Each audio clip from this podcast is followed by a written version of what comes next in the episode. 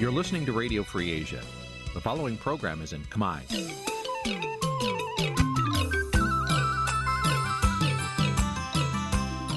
Nǐ chi càm bi tiệp xáy vệt chiu a zì sê ray នេះជាកម្មវិធីផ្សាយរបស់ Vithu Azisari ជាភាសាខ្មែរ វត្តឈូអាស៊ីសេរីសូមស្វាគមន៍លោកអ្នកនាងទាំងអស់ពីរដ្ឋធានី Washington នៃសហរដ្ឋអាមេរិក បាទខ្ញុំបាទយ៉ងច័ន្ទដារាសូមជម្រាបសួរលោកអ្នកនាងអ្នកស្ដាប់វិទ្យុអាស៊ីសេរីទាំងអស់ជាទីមេត្រីបាទខ្ញុំបាទសូមជូនកម្មវិធីផ្សាយសម្រាប់យប់ថ្ងៃប្រហ័ស1រោចខែចែកឆ្នាំខាលចត្វាស័កពុទ្ធសករាជ2566បាទដែលត្រូវនឹងថ្ងៃទី6ខែមេសាគ្រិស្តសករាជ2023បាទជាដំបូងនេះសូមអញ្ជើញអស់លោកអ្នកនាងស្ដាប់ព័ត៌មានប្រចាំថ្ងៃដែលមានមេត្តាដូចតទៅ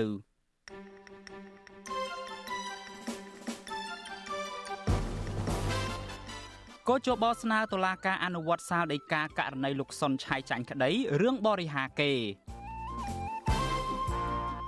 ក្រសួងមហាផ្ទៃត្រៀមកម្លាំងសមត្ថកិច្ចប្រមាណ100000នាក់ដើម្បីការពារការបោះឆ្នោតនៅខែកក្កដាខាងមុខប្អូនស្រីបង្ការរបស់លោកនាយរដ្ឋមន្ត្រីហ៊ុនសែនមានជាប់ពាក់ព័ន្ធទៅនឹងចំនួនសัตว์ស្វាក្តាមដ៏កាក់កប កោតកោរិះគន់ថៅកែក្រុមហ៊ុន Nagaworld ដែលបរិច្ចាគប្រាក់1លានដុល្លារដល់កាកបាទក្រហមក៏ប៉ុន្តែមិនព្រមដោះស្រាយវិវាទការងារជាមួយកម្មកររួមនឹងព័ត៌មានសំខាន់សំខាន់មួយចំនួនទៀតបាទជាបន្តទៅទៀតនេះខ្ញុំបាទយ៉ងច័ន្ទដារាសូមជូនព័ត៌មានទាំងនេះពិស្ដា បាទលោកអ្នកនាងជាទីមេត្រីគណៈកម្មាធិការជាតិរៀបចំការបោះឆ្នោតហៅកាត់ថាកោជបចាប់ផ្ដើមស្នើសុំទៅតុលាការក្រុងភ្នំពេញឲ្យអនុវត្តសាលដីការបស់តុលាការកំពូល បង្គាប់ទៅលើកសុនឆៃឲ្យបង់ប្រាក់ពិន័យចំនួន10លានរៀលឬក៏ជាង2500ដុល្លារអាមេរិកចូលទៅរដ្ឋ ចំណែកគណៈបកប្រជាជនកម្ពុជាវិញគណៈបកនេះនៅមិនទាន់ស្នើទៅតុលាការឲ្យបង្គាប់ទៅលោកសុនឆៃដើម្បីបង់ប្រាក់ពិន័យឬមួយក៏ប្រាក់សំណងជំងឺចិត្តនៅឡើយទេ បាទលោកអ្នកនាងនឹងបានស្ដាប់ព័ត៌មាននេះពឹស្ដានៅពេលបន្តិចទៀតនេះកម្មវិធី Vithu Azizi ស្រីសម្រាប់ទូរស័ព្ទដៃអាចឲ្យលោកអ្នកនាង អានអត្ថបទទស្សនាវីដេអូនិងស្ដាប់ការផ្សាយផ្ទាល់ដោយឥតគិតថ្លៃនិងដោយគ្មានការរំខាន។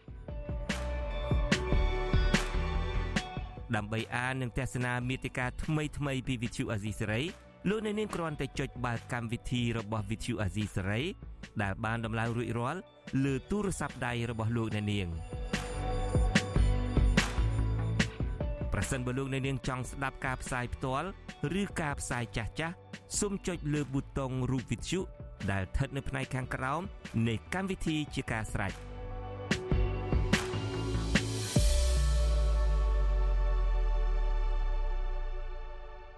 ចតាលោកអ្នកនាងគួរតែត្រៀមឯកសារអ្វីខ្លះសម្រាប់ឲ្យលោកអ្នកនាងអាចបោះឆ្នោតបាននៅថ្ងៃបោះឆ្នោតចាដើម្បីបានដឹងរឿងនេះចាសូមតាមដានវីដេអូនេះដូចតទៅ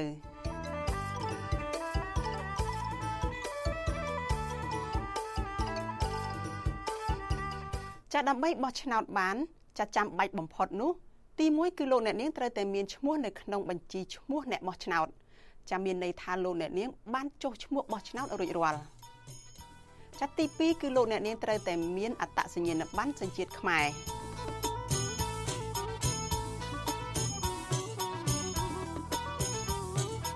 ចុះក្នុងករណីដែលលោកអ្នកនាងមិនមានអត្តសញ្ញាណប័ណ្ណសញ្ជាតិខ្មែរវិញតើលោកអ្នកនាងត្រូវធ្វើយ៉ាងណាចាក្នុងករណីនេះចាលោកអ្នកនាងត្រូវតែមានឯកសារបញ្ជាក់អត្តសញ្ញាណបម្រើឲ្យការបោះឆ្នោតចាដែលចេញដោយអាជ្ញាធរឃុំហើយទទួលស្គាល់ដោយគណៈកម្មការរៀបចំការបោះឆ្នោតឃុំ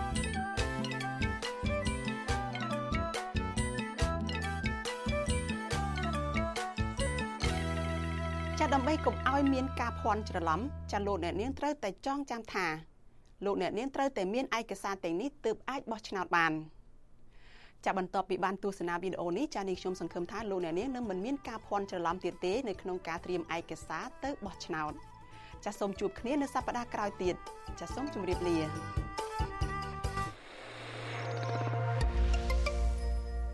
បាទលោកអ្នកនាងជាទីមេត្រីដោយដែលលោកអ្នកនាងជ្រាបស្រាប់ហើយថាការបោះឆ្នោតនឹងប្រព្រឹត្តទៅនៅខែកក្កដាខាងមុខនេះដូច្នេះវិទ្យុអាស៊ីសេរីនឹងព្យាយាមយកព័ត៌មានឲ្យបានច្រើនតាក់ទងទៅនឹងការបោះឆ្នោតនេះដើម្បីជម្រាបជូនលោកអ្នកនាងដូច្នេះសូមលោកអ្នកនាងបន្តតាមដានការផ្សាយរបស់យើងជាបន្តទៅទៀត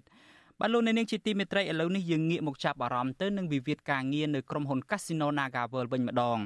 បាត់ក្រុមកោតក្រ NagaWorld រិះគន់ថៅកែបនលបែង Casino NagaWorld ថាមិនដោះស្រាយវិវាទការងារឲ្យក្រុមកោតក្រក៏ប៉ុន្តែបែរជាធ្វើខ្លួនឲ្យទៅជាមនុស្សធម៌ដើម្បីបិទបាំងអំពើអាក្រក់របស់ខ្លួនទៅវិញ បាទប្រតិកម្មរបស់ក្រុមកោតក្រនេះធ្វើឡើងបន្ទាប់ពីម្ចាស់ក្រុមហ៊ុន Casino Naga World គឺលោកតាន់ស្រីបានប្រកាសបរិច្ចាគបរិច្ចាគថវិកាចំនួន1លានដុល្លារអាមេរិកទៅដល់កាកបាទក្រហមកម្ពុជាដែលស្ថិតនៅក្រោមការគ្រប់គ្រងរបស់អ្នកស្រីប៊ុនរនីហ៊ុនសែនបាទលោកទីនហ្សាការីយ៉ារាយការណ៍ពឹស្ដារអំពីរឿងនេះស្របពេលអ្នកចំនួនធំធំសម្រាប់ចូលលុយជួយដល់កាកបាទក្រហមកម្ពុជាក្នុងនោះក៏មានថកែបនលបៃ Nagavel លោកតាន់ស្រីឬលោកចេនលីបកឹង ដែលគេស្គាល់ថាជាតកែក្រុមហ៊ុនរំលោភសិទ្ធិការងារក្រុមសហជីពជាង1000នាក់នឹងធ្វើទុកបុកម្នេញលើកោតក្រ Naga ជាស្ត្រីជាច្រើនផងនោះក្រុមកោតក្រ Nagawal ចាត់ទុកទង្វើមនុស្សធម៌របស់ថកែក្រុមហ៊ុនរូបនេះថាជាយុទ្ធសាស្ត្របំភាន់ភ្នែកមហាជនដើម្បីលុបលាងកំហុសរបស់ខ្លួនសមាជិកសហជីពត្រូវត្រង់សិទ្ធិការងារនៃក្រុមហ៊ុនបនលបែង Nagawal លោកស្រីណប់ទឹកបូរ៉ាវីប្រាប់វិទ្យុអាស៊ីសេរីនៅថ្ងៃទី6មេសាថា លោកស្រីសោកស្ដាយដល់ថៅកែក្រុមហ៊ុន Naga មិនចេញមុខដោះស្រាយវិវាទការងារឲ្យក្រុមកោតក្រប៉ុន្តែបើជាខិតខំដើរតួជាមនុស្សចិត្តធម៌ទាំងដែលក្រុមកោតក្ររស់នៅជួបទុកលំបាកវេទនាគ្មានអាហារហូបចុកគ្រប់គ្រាន់បែរជាមើលមិនឃើញទៅវិញ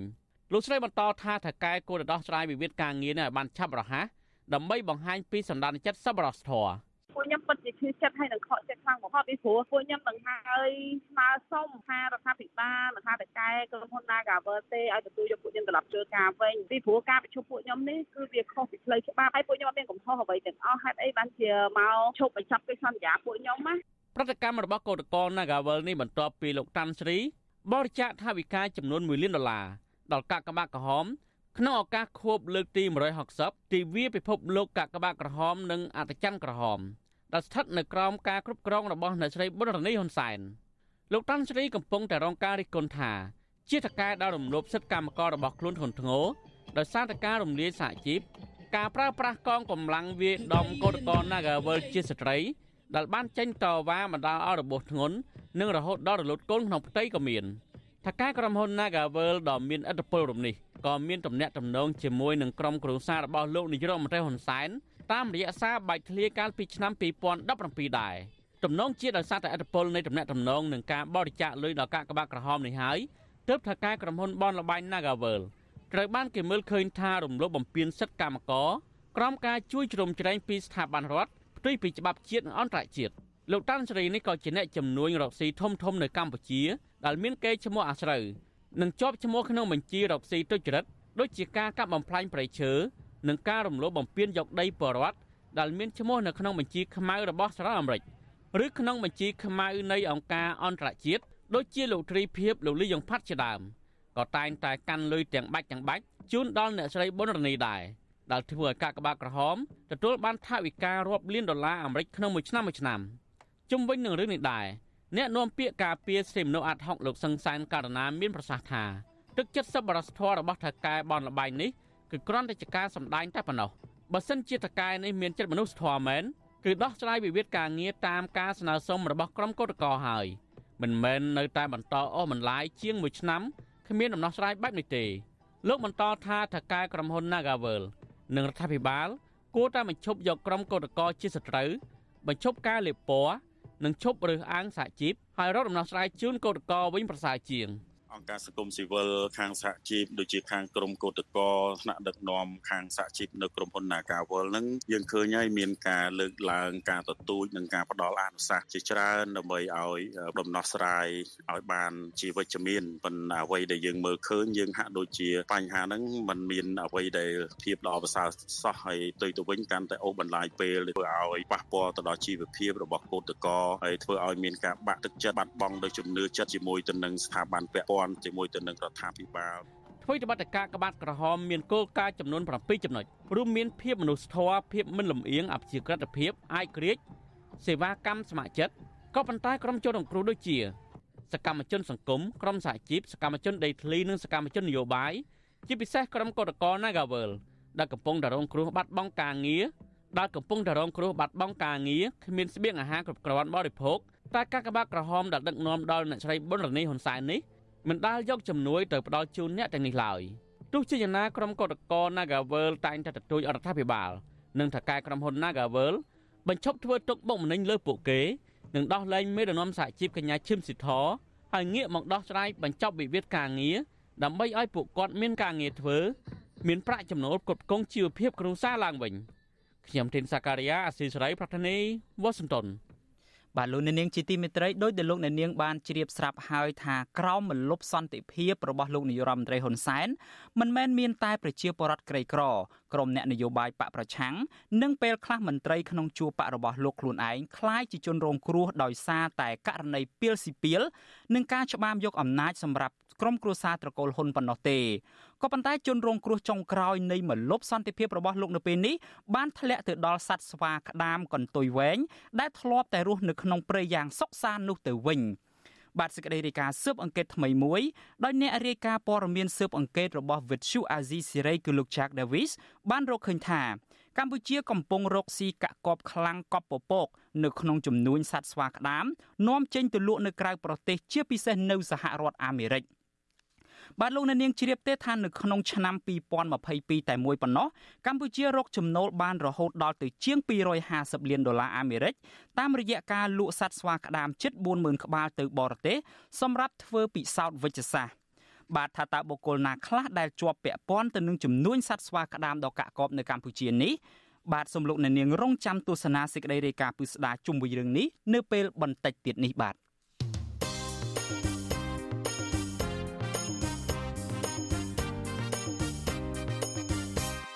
បាទលោកនាងជាទីមេត្រីយើងងាកមកចាប់អារម្មណ៍ទៅនឹងរឿងក្តីក្តាំនៅតុលាការឯនេះវិញគណៈកម្មាធិការជាតិរៀបចំការបោះឆ្នោតហៅកាត់ថាកោជបចាប់ផ្ដើមស្នើសុំទៅតុលាការក្រុងភ្នំពេញឲ្យអនុវត្តសាលដីការបស់តុលាការកំពូល បង្គាប់ទៅលោកសុនឆៃឲ្យបង់ប្រាក់ពិន័យចំនួន10លានរៀលឬក៏2500ដុល្លារអាមេរិកចូលទៅរដ្ឋ ចំណែកគណៈបកប្រជាជនកម្ពុជាវិញគណៈបកនេះនៅមិនទាន់ស្នើទៅតុលាការឲ្យបង្គាប់ទៅលោកសុនឆៃបង់ប្រាក់ពិន័យឬមួយក៏បង់ប្រាក់សំណងជំងឺចិត្តនៅឡើយទេ បាទយើងប្រកុលនេតិនេះជូនអ្នកស្រីសុជីវីរាយការណ៍ជូនលោកអ្នកនាងមេធាវីការពារក្តីលោកសុនឆៃលើកឡើងថាស្ថានភាពកូនក្តីគឺលោកសុនឆៃនៅពេលនេះត្រឹមតែមានលទ្ធភាពបង់ប្រាក់ពិន័យជូនរដ្ឋតែប៉ុណ្ណោះ ប៉ុន្តែចំពោះប្រាក់ជំងឺចិត្តដែលលោកសុនឆៃត្រូវបង់ទៅឲ្យគណៈបកប្រជាជនកម្ពុជា ចំនួន1លានដុល្លារគឺអនុប្រធានគណៈបកភ្លើងទៀនរូបនេះមិនទាន់មានលទ្ធភាពអាចរកប្រាក់បង់ជូនភៀកគីឈ្នះក្តីបាននៅឡើយទេមន្ត្រីអង្គការសង្គមស៊ីវិលស្នើទៅគណៈបកកាន់អំណាចផ្ដល់ការយោគយល់ដល់លោកសុនឆៃគួរគុំទៀមទាប្រាក់ជំងឺចិត្ត1លានដុល្លារនោះអីដែលរូបភាពនេះអាចជាការផ្ដល់គំរូល្អដល់អ្នកនយោបាយផ្សេងទៀត និងជាការធ្វើមានបរិយាកាសល្អនៅមុនការបោះឆ្នោតផងដែរមេធាវីការពារក្តីលោកសុនឆៃគឺលោកមេធាវីកែតខីឲ្យវិទ្យុអាស៊ីសេរីដឹងនៅថ្ងៃទី6ខែមេសាថាលោកបានដាក់លិខិតទៅតំណាងអัยការអមសាលាដំបងរាជធានីភ្នំពេញកាលពីពេលថ្មីថ្មីនេះរួចហើយពីការស្ម័គ្រចិត្តបង់ប្រាក់ពិន័យចំនួន10លានរៀលចូលរដ្ឋលោកមេធាវីឲ្យដឹងទៀតថាការសម្រេចដូច្នេះក្រោយពីភៀកគីឈ្នះក្តីកោជប បានស្នើទៅតំណាងអัยការតុលាការក្រុងភ្នំពេញឲ្យអនុវត្តសាលដីកាតុលាការកំពូល បង្គាប់ឲ្យកូនក្តីរបស់លោកបង់ប្រាក់ពិន័យនេះជូនរដ្ឋលោកមេធាវីឲ្យដឹងដែរថា ចំពោះភៀកគីមួយទៀតគឺគណៈបកប្រជាជនកម្ពុជា នៅរក្សាភាពស្ងៀមស្ងាត់នៅឡើយមិនទាន់ស្នើទៅតុលាការក្រុងភ្នំពេញឲ្យអនុវត្តសាលដីកាតុលាការកំពូលនៅឡើយទេ ទាំងការបង់ប្រាក់ពិន័យ10លានរៀលនិងប្រាក់ជំងឺចិត្ត1លានដុល្លារ ចឹងទៅព្រាជ្ញាគាត់បានឆ្លើយថាមានសំណុំរឿងសុំអនុវត្តនឹងតែមួយចឹងគាត់អាចឲ្យអនុវត្តដោយស្ម័គ្រចិត្តនឹងតែមួយទេនៅក្នុងការនេះគាត់មិនទាន់មានពេលវេលាដើម្បីទួលយកអ្វីដែលយើងស្ម័គ្រចិត្តបង់តាមការពិន័យនោះទេលោកមេធាវីកែតខីលើកឡើងទៀតថា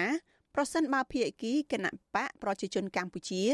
មិនស្នើទៅតុលាការឲ្យអនុវត្តសាលដីកាតុលាការកំពូល ដែលបង្គាប់ឲ្យលោកសុនឆៃបង់ប្រាក់ជំងឺចិត្ត1លានដុល្លារទេនោះ គឺតុលាការមិនបង្គាប់ឲ្យលោកសុនឆៃបង់ប្រាក់ជំងឺចិត្តនោះដែរតកតងរឿងនេះអ្នកនាំពាក្យគណៈបកប្រជាជនកម្ពុជា លោកសុកអេសានលើកឡើងថាគណៈបករបស់លោកមិនខ្វះលុយ1លានដុល្លារទេប៉ុន្តែប្រាក់នេះគឺតុលាការជាអ្នកសម្រេចឲ្យលោកសុនឆៃបង់ជំងឺចិត្តមកគណៈបកប្រជាជនកម្ពុជាដូច្នេះគណៈបករបស់លោកត្រូវតែទទួលយក លោកបន្តទៀតថាគណៈបកប្រជាជនកម្ពុជា នៅពេលនេះ មិនបានជំរុញឬក៏ស្នើទៅតុលាការក្រុងភ្នំពេញឲ្យអនុវត្តសាលដីកាតុលាការកំពូលទេ គឺទុកឲ្យតុលាការធ្វើការងារនេះតាមនីតិវិធីរបស់ខ្លួនដោយឯករាជ្យ ចំពោះជំងឺចិត្តក៏ជាការសម្រេចរបស់តុលាការមានសងឬមិនមានសងយើងអត់ដឹងទេអានឹងជារឿងផ្ទាល់ខ្លួនរបស់ជនជាប់ចោតទេបាទហើយបើថាមិនសងទេមានជាប់គុកជំនួសអានឹងមានតែប៉ុណ្ណឹងអានឹងចាំមើលច្បាប់នីតិវិធីច្បាប់នឹងគេចែកថាម៉េចក្នុងករណីដែលជនជាប់ចោតគ្មានលុយបងសងជំងឺចិត្តឲ្យដើមមិនដឹងនឹងតើច្បាប់ត្រូវធ្វើម៉េចទៀតអានឹងខ្ញុំយល់ថាមេធាវីក៏អាចយល់ដែរបញ្ហានឹងពីព្រោះជាអ្នកច្បាប់ហើយអញ្ចឹងស្រាវជ្រាវអានឹងមើលទៅក្រោយការបោះឆ្នោតក្រុមប្រឹក្សាឃុំសង្កាត់អាណត្តិទី5កន្លងមកលោកសុនឆៃបានឲ្យដឹងថាភ្នាក់ងារគណៈបករបស់លោករកឃើញថាមានភាពមិនប្រក្រតីមួយចំនួនដូចជាមានការបំផិតបំភ័យពលរដ្ឋការបិទទ្វាររាប់សន្លឹកឆ្នោតនិងការបោះឆ្នោតនោះមិនឆ្លុះបញ្ចាំងពីឆន្ទៈប្រជាពលរដ្ឋជាដើមប៉ុន្តែបកកាន់អំណាចនិងកោជបបានប្តឹងទៅតុលាការថាអ្វីដែលលោកសុនឆៃលើកឡើង ជាបទបរិហាកេតុ លាការដែលរងការរិះគន់ថាស្ថិតនៅក្រោមសម្ពាធរបស់លោកយមត្រីហ៊ុនសែនបានចោទប្រកាន់លោកសុនឆៃតាមការចង់បានរបស់ភៀកគីដើមបណ្ដឹងទាំងពីរកាលពីថ្ងៃទី23ខែកុម្ភៈតុលាការកំពូលសម្រេចបិទផ្លូវតវ៉ាលើសំណុំរឿងបកកណ្ដាលអំណាចនិងកោជបប្តឹងលោកសុនឆៃក្នុងសំណុំរឿងបរិហាកេនេះតុលាការកំពូលបង្គាប់ឲ្យលោកសុនឆៃត្រូវបង់ប្រាក់ជំងឺចិត្តទៅគណៈបកប្រជាជនកម្ពុជា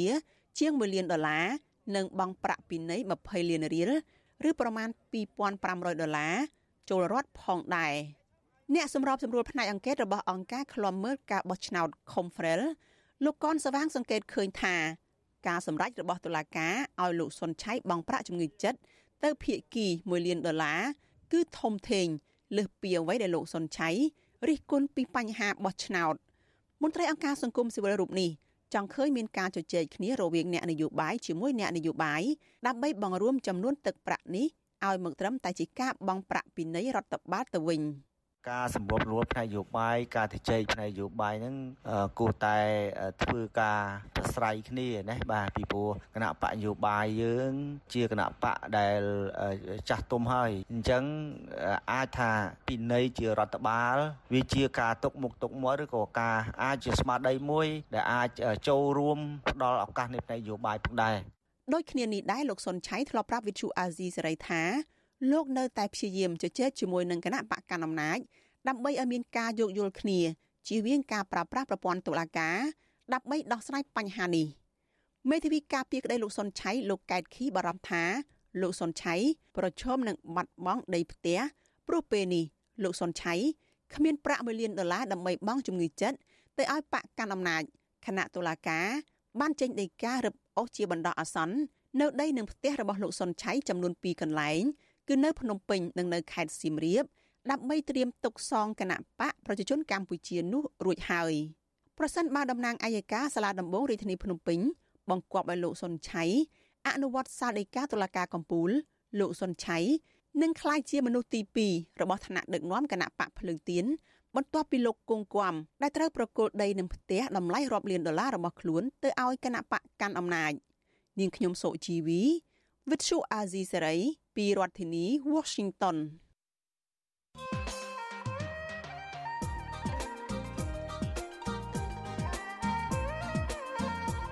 បាទលោកនាងជាទីមេត្រីលោកនាយរដ្ឋមន្ត្រីហ៊ុនសែនតែងតែចោទក្រុមអ្នកនិយមប្រជាធិបតេយ្យរួមមានគណៈបកប្រឆាំងស្ថាប័នសារព័ត៌មានឯករាជ្យនិងអង្គការសង្គមស៊ីវិលជាដើមថាជាអ្នកញុះញង់ឲ្យមានបដិវត្តពណ៌នៅកម្ពុជាក៏ប៉ុន្តែនៅទីបំផុត អ្នកដែលអាចជំរុញឲ្យមានបដិវត្តពណ៌នៅកម្ពុជា គឺជាមនុស្សដែលនៅជុំវិញខ្លួនលោកហ៊ុនសែនទៅវិញសោះបាទក្នុងក្នុងខណៈដែលក្រុមពួកអ្នកមានលុយមានអំណាចខ្លះចាប់ផ្ដើមបែងចែកពីបុគ្គលិកលក្ខណៈនិងទម្លាប់ខុសគ្នារវាងអ្នកមាននិងអ្នកក្រប្រជាពលរដ្ឋក៏នាំគ្នាបញ្ចេញប្រតិកម្មតបតយ៉ាងកក្រឹកកក្រែងសូម្បីតែមនុស្សដែលជិតស្និទ្ធនឹងលោកហ៊ុនសែនក៏នាំគ្នាចែកចាយរឿងនេះភ្លុកទឹកភ្លុកដីដែរ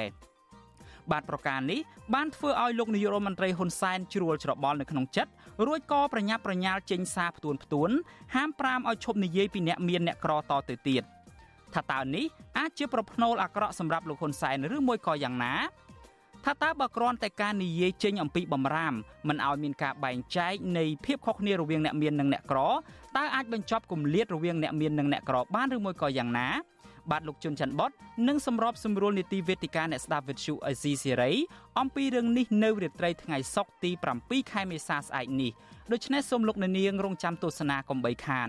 បាទប្រសិនបើលោកអ្នកនាងចង់ចូលរួមបញ្ចេញមតិយោបល់ឬមួយក៏មានសំណួរចង់ដាក់ទៅវាគ្មិនរបស់យើងលោកអ្នកនាងអាចដាក់លេខទូរស័ព្ទរបស់លោកអ្នកនាងនៅក្នុងខ្ទង់ comment Facebook និង YouTube របស់ Vithu Azizi Siri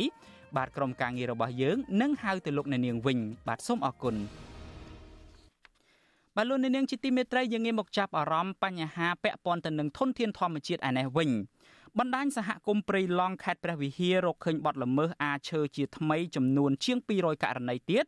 ដែលជនល្មើសបានចូលកាប់ទន្ទ្រាននៅក្នុងតំបន់ព្រៃឡង់ដោយពុំមានអាជ្ញាធរទប់ស្កាត់ រីឯសកម្មជនព្រៃឈើលើកឡើងថាបទល្មើសអាឈើកើតមានឡើងជាបន្តបន្ទាប់នេះគឺដោយសារតែមានមន្ត្រីពុករលួយនិងអ្នកមានលុយមានអំណាចមួយចំនួនចាំការពារនៅពីក្រោយខ្នង បាទលោកជីវិតារាយការណ៍ព័ត៌មាននេះពឹស្ដាជូនលោកអ្នកនាងនេះចំការទៀតហើយនេះមើលធំហុំមើលតាំងពីចំការនេះជាប់7 8ហត្ថនេះអាក្នុងមួយម៉ៃអានេះមួយទៀតនេះ បណ្ដាញព្រៃឡង់ប្រចាំខេត្តព្រះវិហារដែលបានចុះល្បាតដោយលួចលាក់អស់រយៈពេល3យប់4ថ្ងៃកាលពីថ្ងៃទី23ដល់ថ្ងៃទី26មីនាលើកឡើងថាពួកគាត់ខកចិត្តជាខ្លាំងចំពោះអាជ្ញាធរមូលដ្ឋាន ដែលមិនអើពើបង្ក្រាបបទល្មើសនៅក្នុងព្រៃឡង់ឲ្យមានប្រសិទ្ធភាព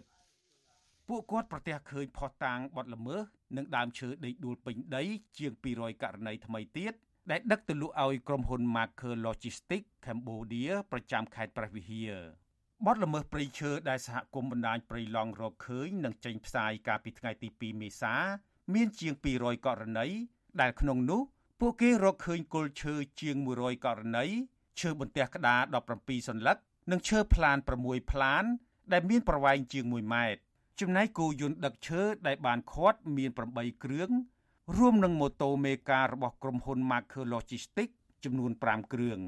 អារម្មណ៍សោកស្ដាយបំផុតដែលរដ្ឋាភិបាលគាត់ដាក់តំបន់អភិរក្សការពារទៅក៏ប៉ុន្តែនៅតែមានជនកាប់បំផ្លាញដីឈើទៅមើលនៅទងពីនេះក្រុមហ៊ុននេះអត់មានបាបត្រឹមត្រូវទេគាត់កាប់ក្រៅតំបន់ដីសម្បត្តិសេដ្ឋកិច្ចដែលគាត់ទទួលបានពីក្រសួងកសិកម្មគាត់កាប់តំបន់ព្រៃប្រយ័ត្នម្ដងជាមួយខាការធ្វើនេះវាអត់ស្របនឹងនឹងគំនិតដែលរដ្ឋាភិបាលដល់ដីសម្បត្តិនេះអោយទេគាត់ទៅខុសនឹងនីតិវិធីហើយនេះហើយបានវាវាកើតពីអបព្រោះកើតឡើងច្រើនច្រើន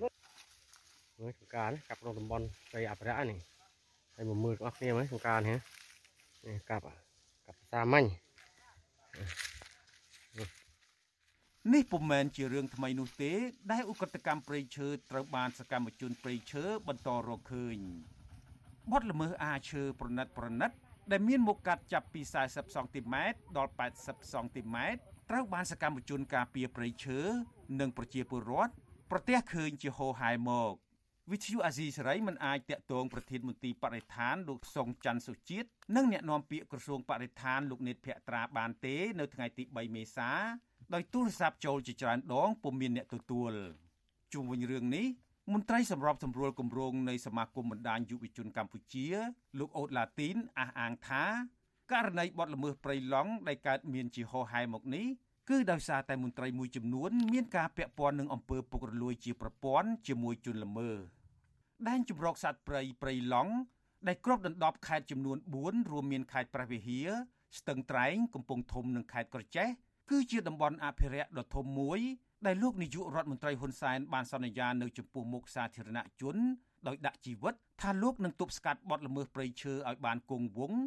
ក៏ប៉ុន្តែអស់រយៈពេលជាច្រើនឆ្នាំមកនេះ ក្រោមការដឹកនាំរបស់លោកឧក្រិដ្ឋកម្មព្រៃឈើនៅតែបន្តកើតមានដដែល ខ្ញុំជីវិតាអាស៊ីសេរីបាទបាទលោកនាងជាទីមេត្រីឥឡូវនេះយើងងាកមកចាប់អារម្មណ៍ទៅនឹងបញ្ហាដែលកំពុងតែក្តៅគគុកតាក់ទងទៅនឹងចំនួនសត្វស្វាឯនេះវិញ បាទលោកនាងជាទីមេត្រីបុគ្គលម្នាក់ដែលជាប់ពាក់ព័ន្ធនឹងត្រកូលហ៊ុនកំពុងតែជាប់ពាក់ព័ន្ធនៅក្នុងរឿងរ៉ាវជួញដូរសត្វស្វាក្តាមនៅកម្ពុជាខណៈរបរនេះកំពុងតែកាក់កបខ្លាំងបាទសេចក្តីរាយការណ៍ស៊ើបអង្កេតថ្មីមួយដោយអ្នករាយការណ៍ព័ត៌មានស៊ើបអង្កេតរបស់ Vithu Azizi Siri គឺលោក Jack Davis បានរកឃើញថា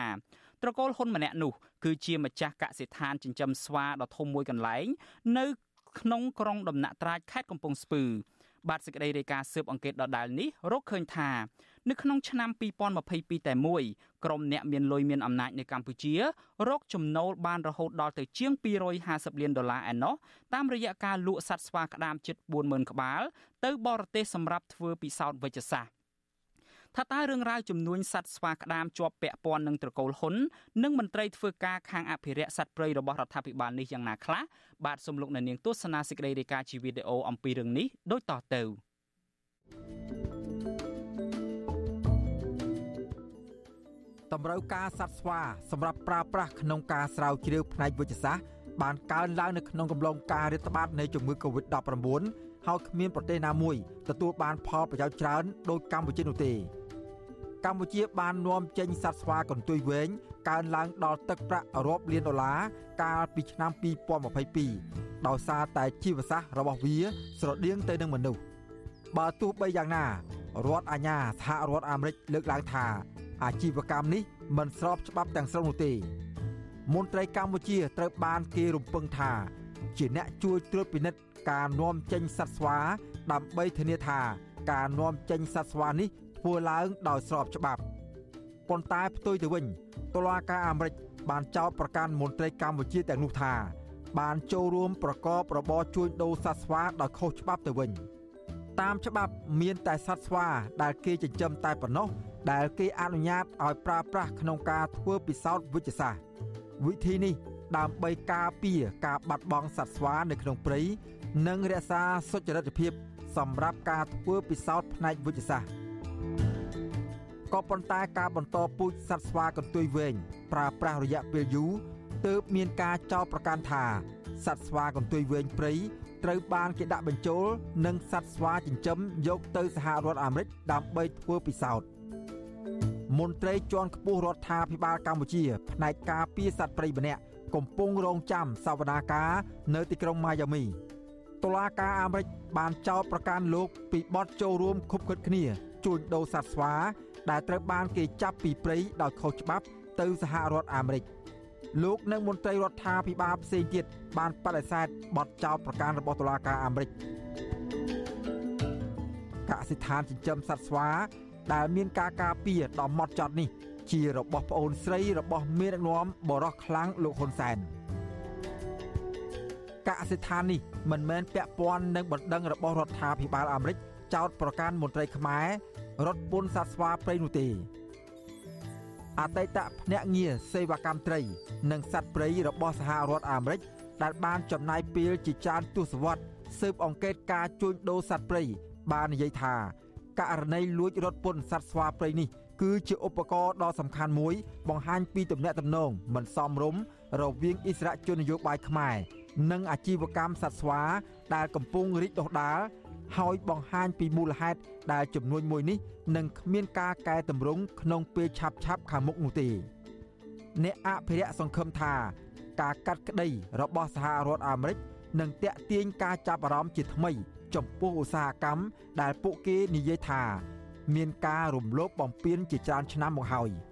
ប៉ុន្តែដោយសារតែទំហំនៃទឹកប្រាក់ដ៏ច្រើនសន្ធឹកសន្ធាប់នេះ វាសនារបស់សត្វស្វាមើលទៅអាចនឹងជួបរឿងអាក្រក់ច្រើនជាង ខ្ញុំបាទសេកបណ្ឌិតវិទ្យុអាស៊ីសេរីពីរដ្ឋធានីវ៉ាស៊ីនតោន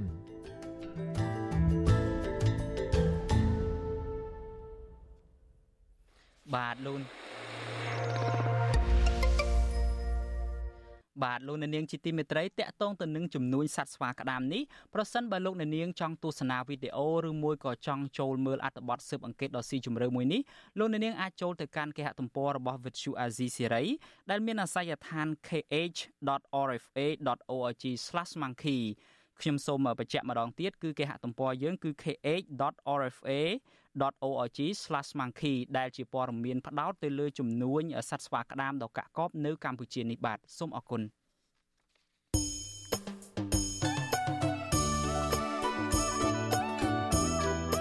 បាទលោកនាងជាទីមេត្រីដំណើរគ្នានឹងស្ដាប់ការផ្សាយរបស់ Vuthu Azizi Serai នៅតាមបណ្ដាញសង្គម Facebook និង YouTube លោកនាងក៏អាចតាមដានការផ្សាយរបស់យើងតាមរយៈរលកធាតុអាកាសខ្លីឬមួយក៏ Shortwave បានដែរបាទពេលព្រឹក ចាប់ពីម៉ោង5កន្លះដល់ម៉ោង6កន្លះតាមរយៈប៉ុស SW 12.14 MHz ស្មើនឹងកម្ពស់ 25m និងប៉ុស SW 13.71 MHz ស្មើនឹងកម្ពស់ 22m បាទពេលយប់ចាប់ពីម៉ោង7កន្លះដល់ម៉ោង8កន្លះតាមរយៈប៉ុស SW 9.33 MHz ស្មើនឹងកម្ពស់ 32m ប៉ុស SW 11.88 MHz ស្មើនឹងកម្ពស់ 25m និងប៉ុស SW 12.14 MHz ស្មើនឹងកម្ពស់ 25m បាទសូមអរគុណបាទលោកនាងជាទីមេត្រីឆ្លៀតនៅក្នុងឱកាសនេះខ្ញុំបាទសូមជម្រាបជូនលោកនាងថាអាស៊ីសេរីបានពង្រីកការផ្សាយរបស់យើងនៅលើប្រព័ន្ធមួយទៀតគឺប្រព័ន្ធបណ្ដាញសង្គម Telegram បាទលោកអ្នកនាងអាចចូលទៅកាន់បណ្ដាញសង្គមថ្មីមួយទៀតរបស់អាស៊ីសេរីនេះនៅតាមគេហទំព័រឬមួយក៏លោកអ្នកនាងអាច search ទៅនឹងឃើញមានពាក្យថា RFA ខ្មែរនេះហើយមានសញ្ញាធីកពណ៌ខៀវមួយដែលសម្គាល់ថាជាទំព័រ Telegram ផ្លូវការរបស់អាស៊ីសេរីដូច្នេះសូមលោកអ្នកនាងអាចចូលទៅកាន់ទំព័រ Telegram នេះបានហើយបន្តតាមដាននិងគ្រប់គ្រងការផ្សាយរបស់យើងជាបន្តទៅទៀតបាទសូមអរគុណ។ បាទលោកអ្នកនាងជាទីមេត្រីយើងងាកមកចាប់អារម្មណ៍ពាក់ព័ន្ធទៅនឹងវិស័យយោធាឯនេះវិញបាទប្រមុខការពីជាតិកម្ពុជាបានលើកឡើងថាមកទល់នឹងពេលនេះពុំទាន់មានកិច្ចពិភាក្សាណាមួយជាមួយក្រុមប្រទេសលោកខាងលិចដូចជាសហរដ្ឋអាមេរិកឬមួយក៏អូស្ត្រាលីជាដើមដើម្បីចាប់ផ្ដើមធ្វើសម្ពយុទ្ធយោធារួមគ្នាឡើងវិញនៅឡើយទេ បាទលោកបន្តថាមកដល់ពេលនេះមានតែមិត្តចិនតែប៉ុណ្ណោះដែលមានសមានចិត្តជួយឧបត្ថម្ភសពគ្រប់បែបយ៉ាងដើម្បីឲ្យប្រទេសទាំងពីរអាចដំណើរការសម្ពយុទ្ធយោធាប្រចាំឆ្នាំជាមួយគ្នាឡើងវិញបាទលោកមានរិទ្ធរាយការណ៍ពឹស្ដាជូនលោកអ្នកនាង។ រដ្ឋមន្ត្រីក្រសួងការពារជាតិកម្ពុជា លោកទាបាញ់ថ្លែងថាកម្ពុជានៅមានការខ្វះខាតច្រើន ទាំងសម្ភារៈយោធា និងមធ្យោបាយផ្សេងៗដើម្បីបម្រើដល់ការធ្វើសម្ពយុទ្ធយោធា ហើយប៉ះសិនបើប្រទេសណាចង់ធ្វើសម្ពយុទ្ធយោធារួមគ្នាដោយដែលកម្ពុជាបានធ្វើជាមួយចិននៅពេលនេះគឺត្រូវផ្គត់ផ្គង់ឲ្យបានសពគ្រប់និងពេញលេញតាមតម្រូវការរបស់កម្ពុជាទើបកម្ពុជាអាចចាប់ផ្ដើមធ្វើសម្ពយុទ្ធយោធាជាមួយគ្នាបាន។ តែខ្ញុំថាបើមានបំណងមែនតែអញ្ជើញមកអញ្ជើញមកពិភាក្សាឲ្យជាក់ស្ដែងពិតប្រកបមកតើគឺអាចនឹងទទួលខុសត្រូវកម្រិតណាតែអត់មានមានតែភាគីចិនមួយគឺជានិច្ចកាលគឺជំរុញដឹងឃើញស្រាប់ហើយមកដឹកមកសម្ភារៈហើយវាមោទនភាពសម្ភារៈមួយចំនួនដែលរួមសំយុទ្ធនេះហើយក៏អត់យកទៅវិញទេឃើញទេបកគលឲ្យយើងទាំងអស់លោកទាបាញ់អាហាងថាផ្នែកយោធាចិន បានជួយជ្រោមជ្រែងទាំងស្រុងនៅក្នុងដំណើរការធ្វើសម្ពយុទ្ធយោធានាមាសឆ្នាំ2023នេះ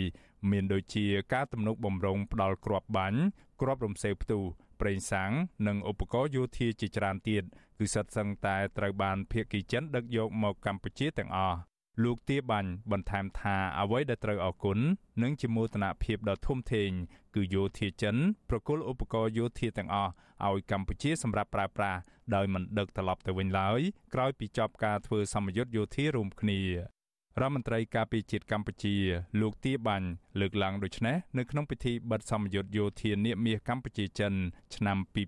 2023ដែលប្រព្រឹត្តទៅនៅមជ្ឈមណ្ឌលហ្វឹកវើនកងរាជអាវុធហត្ថលើផ្ទៃប្រទេសភ្នំជុំសែនរីករាយនៅក្នុងស្រុកសាមគ្គីមានជ័យខេត្តកំពង់ឆ្នាំងកាលពីថ្ងៃទី5ខែមេសាក្រោមប្រធានបទប្រតិបត្តិការការពារសន្តិសុខនិងការជួយសង្គ្រោះមនុស្សធម៌ សម្ពយុទ្ធនេះធ្វើឡើងរយៈពេល14ថ្ងៃដែលបានចាប់ផ្ដើមចាប់ពីថ្ងៃទី23ខែមីនាដែលមានកងទ័ពកម្ពុជាចូលរួមជាង2700នាក់និងកងទ័ពរំដោះប្រជាជនចិនចំនួន257នាក់ មេបញ្ជាការតំបន់ខាងត្បូងនៃកងទ័ពរំដោះប្រជាជនចិន លោកវៃវិនហ៊ុយបានលើកឡើងនៅក្នុងពិធីនេះដែរថានេះគឺជាសម្ពយុទ្ធជោគជ័យលើកទី5របស់កងទ័ពកម្ពុជានិងចិននិងជាសម្ពយុទ្ធដែលមានកម្រិតបញ្ជាខ្ពស់ជាងមុន ទំហំសម្ពយុទ្ធធំជាងមុន មេរៀនសម្ពយុទ្ធកាន់តែស៊ីជម្រៅជាងមុន ជាពិសេសលោកថាសម្ពយុទ្ធនេះដែលពីមុនមានតែកម្លាំងជើងគោកនោះក៏ប៉ុន្តែឥឡូវនេះត្រូវបានពង្រីកឲ្យមានកងកម្លាំងកងទ័ពជើងទឹកចូលរួម ជាលើកដំបូងមេបញ្ជាការកងទ័ពចិនរូបនេះបន្តថាសម្ពយុទ្ធលើកនេះគឺជាការផ្សព្វផ្សាយទស្សនៈទានអំពីការការពារសន្តិភាព របស់ចិននិងកម្ពុជា ហើយភាគីទាំងពីរសុទ្ធតែជាប្រទេសសំខាន់នៅក្នុងតំបន់ ដែលមានទំនួលខុសត្រូវយ៉ាងធំនៅក្នុងការការពារសន្តិសុខនិងភាពរុងរឿងក្នុងតំបន់និងពិភពលោកលោកវៃវ៉ាន់ហួយ បន្ថែមថាចិនជំរុញការអភិវឌ្ឍសន្តិភាពនៅក្នុងពិភពលោកការកសាងជោគវាសនារួមការគោរពសិទ្ធិនៃការជ្រើសរើសមាគ៌ាអភិវឌ្ឍនិងរបបនយោបាយរបស់ប្រទេសនីមួយៗអនុវត្តជាក់ស្ដែងនៅពហុភាគីនិយម ប្រឆាំងឯកតោភាគីនិយម ការគាំពៀនិយម និងប្រឆាំងនៅនយោបាយអងអំណាចជាដើម លើពីនេះទៀតលោកក៏បញ្ជាក់ដែរថាប្រទេសចិនធ្វើនយោបាយជាលក្ខណៈការពីជាតិមិនធ្វើអនុត្តរភាពឬការពង្រីកអធិបុលឬវាទីនិយមនោះទេកងទ័ពចិន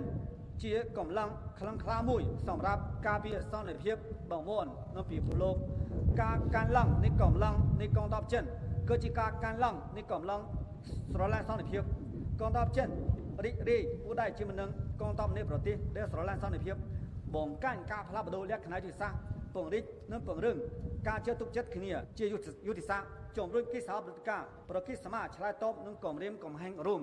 ការលើកឡើងពីមន្ត្រីជាន់ខ្ពស់យោធាកម្ពុជានិងចិននៅពេលនេះបានធ្វើឡើងស្របពេលដែលក្រុមប្រទេសលោកខាងលិចជាពិសេសសហរដ្ឋអាមេរិក នៅតែព្រួយបារម្ភថាចិនកំពុងតែមានមហិច្ឆតាដាក់មូលដ្ឋានទ័ពនៅប្រទេសមួយចំនួន ក្នុងនោះប្រទេសដែលមានសក្តានុពល មានដូចជាកម្ពុជាហ្គីណេនិងប្រទេសអេមីរ៉ាតអារ៉ាប់រួមជាដើមនេះបើយោងតាមរបាយការណ៍វិតម្លៃចេញផ្សាយកាលពីដើមខែមីនាដោយបណ្ដុំភ្នាក់ងារកិច្ចការសម្ងាត់អាមេរិកចំនួន17ស្ថាប័នក្នុងនោះក៏រួមទាំងភ្នាក់ងារ CIA ផង បច្ចុប្បន្នមូលដ្ឋានទ័ពជើងទឹករៀមដែលជាចំណុចក្តៅមួយនៃទំនាក់ទំនងរវាងកម្ពុជានិងសហរដ្ឋអាមេរិកកំពុងស្ថិតនៅក្នុងការសាងសង់ពង្រីកទីតាំងកាន់តែធំជាងមុនក្រោយពីមានជំនួយពីប្រទេសចិន កាលពីចុងខែមីនាប្រព័ន្ធផ្សព្វផ្សាយនៅក្នុងស្រុកអះអាងថាលោកហ៊ុនសែនបានធ្វើអនុប្រយោគផ្ទៃដីជិត200ហិកតា ពីឧទ្យានជាតិសមុទ្រព្រះសីហនុរៀមខេត្តព្រះសីហនុដោយមួយផ្នែកប្រគល់ទៅឲ្យទីបញ្ជាការដ្ឋានការពារអាកាសនិងមួយផ្នែកទៀតសម្រាប់ដាក់ប្រព័ន្ធរ៉ាដាកងទ័ពជើងទឹក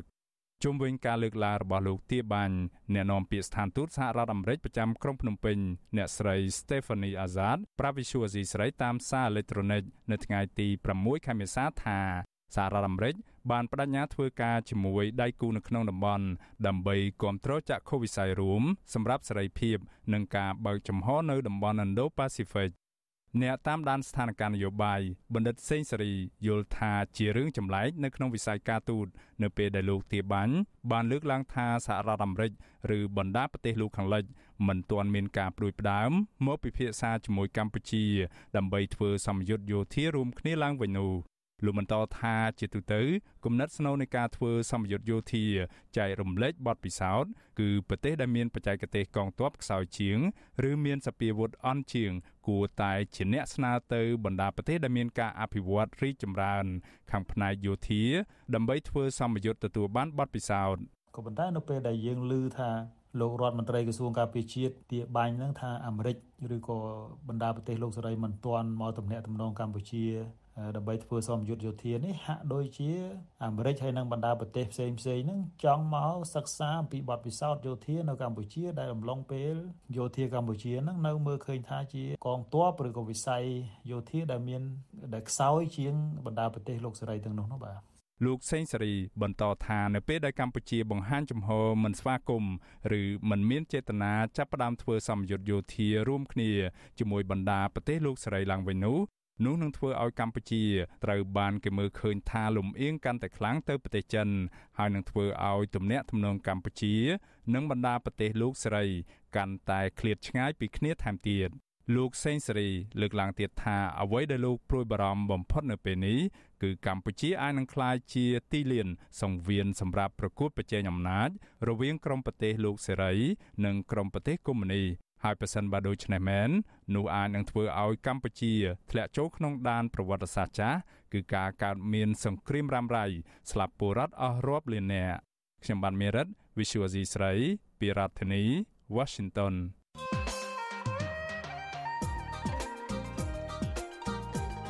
បាទលោកនាងជាទីមេត្រីលោកហ៊ុនសែនតែងតែចោទក្រមនិយមប្រជាធិបតេយ្យរួមមានគណៈបកប្រឆាំងស្ថាប័នសារព័ត៌មានឯករាជ្យនិងអង្គការសង្គមស៊ីវិលជាដើមថាជាអ្នកញុះញង់ឲ្យមានបដិវត្តពណ៌នៅកម្ពុជាក៏ប៉ុន្តែនៅទីបំផុតទៅអ្នកដែលអាចជំរុញឲ្យមានបដិវត្តពណ៌នៅកម្ពុជា គឺជាមនុស្សដែលនៅជុំវិញខ្លួនលោកហ៊ុនសែនទៅវិញឯណោះសោះបាទនៅក្នុងខណៈដែលក្រុមពួកអ្នកមានលុយមានអំណាចខ្លះចាប់ផ្ដើមបែងចែកពីបុគ្គលិកលក្ខណៈ និងទម្លាប់ខុសគ្នារវាងអ្នកមាននិងអ្នកក្រប្រជាពលរដ្ឋក៏នាំគ្នាបញ្ចេញប្រតិកម្មតបតយ៉ាងកក្រឹកកក្រែងសម្បីតែមនុស្សដែលជិតស្និទ្ធនឹងលោកហ៊ុនសែនក៏នាំគ្នាចែកចាយរឿងនេះភ្លុកទឹកភ្លុកដីផងដែរបាទប្រការនេះបានធ្វើឲ្យលោកហ៊ុនសែនជ្រួលច្របល់នៅក្នុងចិត្តរួចក៏ប្រញេប្រញាប់ចេញសារផ្ទួនផ្ទួនហាម5ឈប់ឲ្យនិយាយពីអ្នកមាននិងអ្នកក្របន្តទៅទៀតបាទថាតើនេះអាចជាប្រផ្នូលអាក្រក់សម្រាប់លោកហ៊ុនសែនដែរឬមួយក៏យ៉ាងណា បាទថាតើបើគ្រាន់តែចេញបំរាមមិនឲ្យមានការបែងចែកភាពខុសគ្នារវាងនឹងអ្នកអ្នកមាននិងអ្នកក្រថាតើរឿងនេះពិតជាអាចបញ្ចប់គម្លាតរវាងអ្នកមាននិងអ្នកក្របានដែរឬមួយក៏យ៉ាងណាបាទលោកជុនច័ន្ទបុតនឹងចូលខ្លួនមុខសម្របសម្រួលនេតិវេទិកាអ្នកស្ដាប់វិទ្យុអាស៊ីសេរីអំពីប្រធានបទនេះនៅរាត្រីថ្ងៃសុក្រទី7ខែមេសាស្អែកនេះដូច្នេះសូមលោកអ្នកនាងរងចាំទស្សនាកុំបីខានបាទប្រសិនបើលោកអ្នកនាងមានសំណួរឬមួយក៏ចង់ចូលរួមបញ្ចេញមតិយោបល់នៅក្នុងការផ្សាយនេះ លោកអ្នកនាងអាចដាក់លេខទូរស័ព្ទរបស់លោកអ្នកនាងនៅក្នុងខ្ទង់ comment Facebook និង YouTube របស់ Vithu Azizi Serai បាទក្រុមការងាររបស់យើងនឹងហៅទៅលោកអ្នកនាងវិញ បាទសូមអរគុណបាទលោកអ្នកនាងជាទីមេត្រីយើងមិនទាន់ទៅណាឆ្ងាយពីរឿងធនធានធម្មជាតិឯនេះទេ បាទយុវជនចលនាមេដាធម្មជាតិបានស្នើជាថ្មីទៀតទៅកាន់រដ្ឋាភិបាលលោកហ៊ុនសែនឲ្យបង្ហាញពីភាពមិនប្រក្រតីតាក់ទងទៅនឹងការអភិវឌ្ឍកោះស្មាច់ដែលស្ថិតនៅក្នុងតំបន់ការពារធម្មជាតិជាពិសេសកោះស្មាច់នេះបែរទៅជាមានទម្រង់នៃការអភិវឌ្ឍបែបលក្ខណៈឯកជនទៅវិញបាទតាមរយៈវីដេអូដែលមានរយៈពេលជាង2នាទីដែលបង្ហោះនៅលើទំព័រ Facebook របស់ចលនាមេដាធម្មជាតិនៅថ្ងៃទី6ខែមេសានេះ សកម្មជនបរិស្ថាននៃចលនាមេដាធម្មជាតិកញ្ញាមានលីសា បានលើកឡើងថាតំបន់ការពារធម្មជាតិពីមក្រសោបដែលស្ថិតនៅក្នុងស្រុកមណ្ឌលសីមាខេត្តកោះកុងមានកោះមួយត្រូវបានសាងសង់សំណង់រឹងជាលក្ខណៈឯកជន ដែលផ្ទុយពីច្បាប់ដោយសារតែកោះស្មាច់នេះនៅមិនទាន់មានឯកសារផ្លូវការណាមួយស្ដីពីការធ្វើអនុប្រយោគទៅឲ្យឯកជននៅឡើយទេ បាទដើម្បីជ្រាបច្បាស់អំពីរឿងនេះយើងបានភ្ជាប់ប្រព័ន្ធ Skype ទៅកាន់កញ្ញាមានលីសាដើម្បីឲ្យកញ្ញារៀបរាប់លម្អិតអំពីករណីនេះខ្ញុំបាទសូមជម្រាបសួរលីសាបាទជួយសួរបងបាទលីសាយើងបានជួបគ្នាម្ដងទៀតហើយបន្ទាប់ពីថ្ងៃមុនដែលយើងបានសម្ភាសលីសាអំពីការតស៊ូមតិឲ្យមានការដោះលែងអ្នកជាប់ឃុំជាស្ត្រីហើយ យើងក៏បានឃើញដែរវីដេអូដែលលីសាបានបង្ហោះនៅលើបណ្ដាញសង្គមតាក់ទងទៅនឹងការបំផ្លិចបំផ្លាញនិងការផ្ដាល់គេហៅថាធ្វើឯកជនភាវូបនីយកម្មដីព្រៃការពារនៅក្នុងតំបន់ពីមកសោបនឹងទៅឲ្យឯកជនដូច្នេះសំណួរជាដំបូងរបស់ខ្ញុំទៅកាន់លីសាថាតើទាំងលីសាផ្ទាល់និងក្រុមយុវជនមេដាធម្មជាតិរកឃើញអ្វីខ្លះនៅលើកោះស្មាច់ដែលស្ថិតនៅក្នុងតំបន់ការពារពីមកសោបនឹងបាទ ចាបងបើការនិយាយពីបើកាលណាយើងនិយាយពីកោះស្មាច់គឺយើងអត់ទាន់បានចែកព្រំព្រំកតោច្បាស់លាស់នៅឡើយទេព្រោះឯកសាររឿងកោះស្មាច់ហ្នឹងពួកបាក់រងមែនទេអញ្ចឹងយើងអត់ទាន់ចែកដាច់ថាវានៅក្នុងតំបន់ការពារដែនជម្រកសត្វព្រៃពីមកសោបឬក៏តំបន់រក្សាកោះកពីទេយើងអត់ទាន់បានបែងចែកដាច់ទេប៉ុន្តែនេះក៏ជាសំណួរមួយដែរ អញ្ចឹងអីដែលយើងរកឃើញដំបងប្អូនទៅលេងធម្មតាដូចញាតិទេសចរប៉ុន្តែយើងឃើញថានៅនឹងមានអ្នកយាមតែយាមដីហ្នឹងហូរអាមយាមដីហើយក៏មានការដាក់ដាំដូងដែរហើយក៏តាក់ទងនឹងអីដែលសំខាន់គឺមានដាក់ផ្លាកលូកដីឥឡូវវាជាបញ្ហាមួយដែលយើងមានចម្ងល់ខ្លាំងមែនទែនបាទ ក៏ប៉ុន្តែលីសាប្រហែលជាបានជ្រាបស្រាប់ហើយថានៅក្នុងខេត្តកោះកុងនេះគឺភាគច្រើនបំផុតគឺគ្របដណ្ដប់ទៅដោយតំបន់អភិរក្សទៅហើយមានដែនជម្រកសត្វព្រៃពីមកសោបនឹងផង មានតំបន់រាមសាមានដែនជម្រកសត្វព្រៃដូចជាឧទ្យានជាតិបតុមសាគរគិរីសាគរអីចឹងជាដើម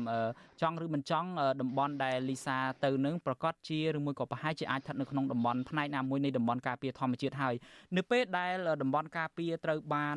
ប្រគល់ទៅឲ្យឯកជនបែបនេះដោយលីសាបានរៀបរាប់ហ្នឹងមានការបោះផ្លាកដាក់លក់អីចឹងជាដើមមានការកាប់ទន្ទ្រានអីចឹងជាដើមថាតើបងអូនជាយុវជន មានដូចថាទស្សនៈបែបណាមានប្រតិកម្មបែបណាដែរមុននឹងផ្ដល់សំណួរនេះជូនបងអូនខ្ញុំជម្រាបជូនលោកអ្នកនាងថានេះគឺជារូបភាពដែលយើងទទួលបានពីក្រុមការងារមេដាធម្មជាតិហើយតកតងទៅនឹងតំបន់ដែលពួកគាត់បានចុះទៅគឺកោះស្មាច់នឹងឯងហើយដូច្នេះសូមបកគោលសំណួរនេះជូនទៅលីសាបាទ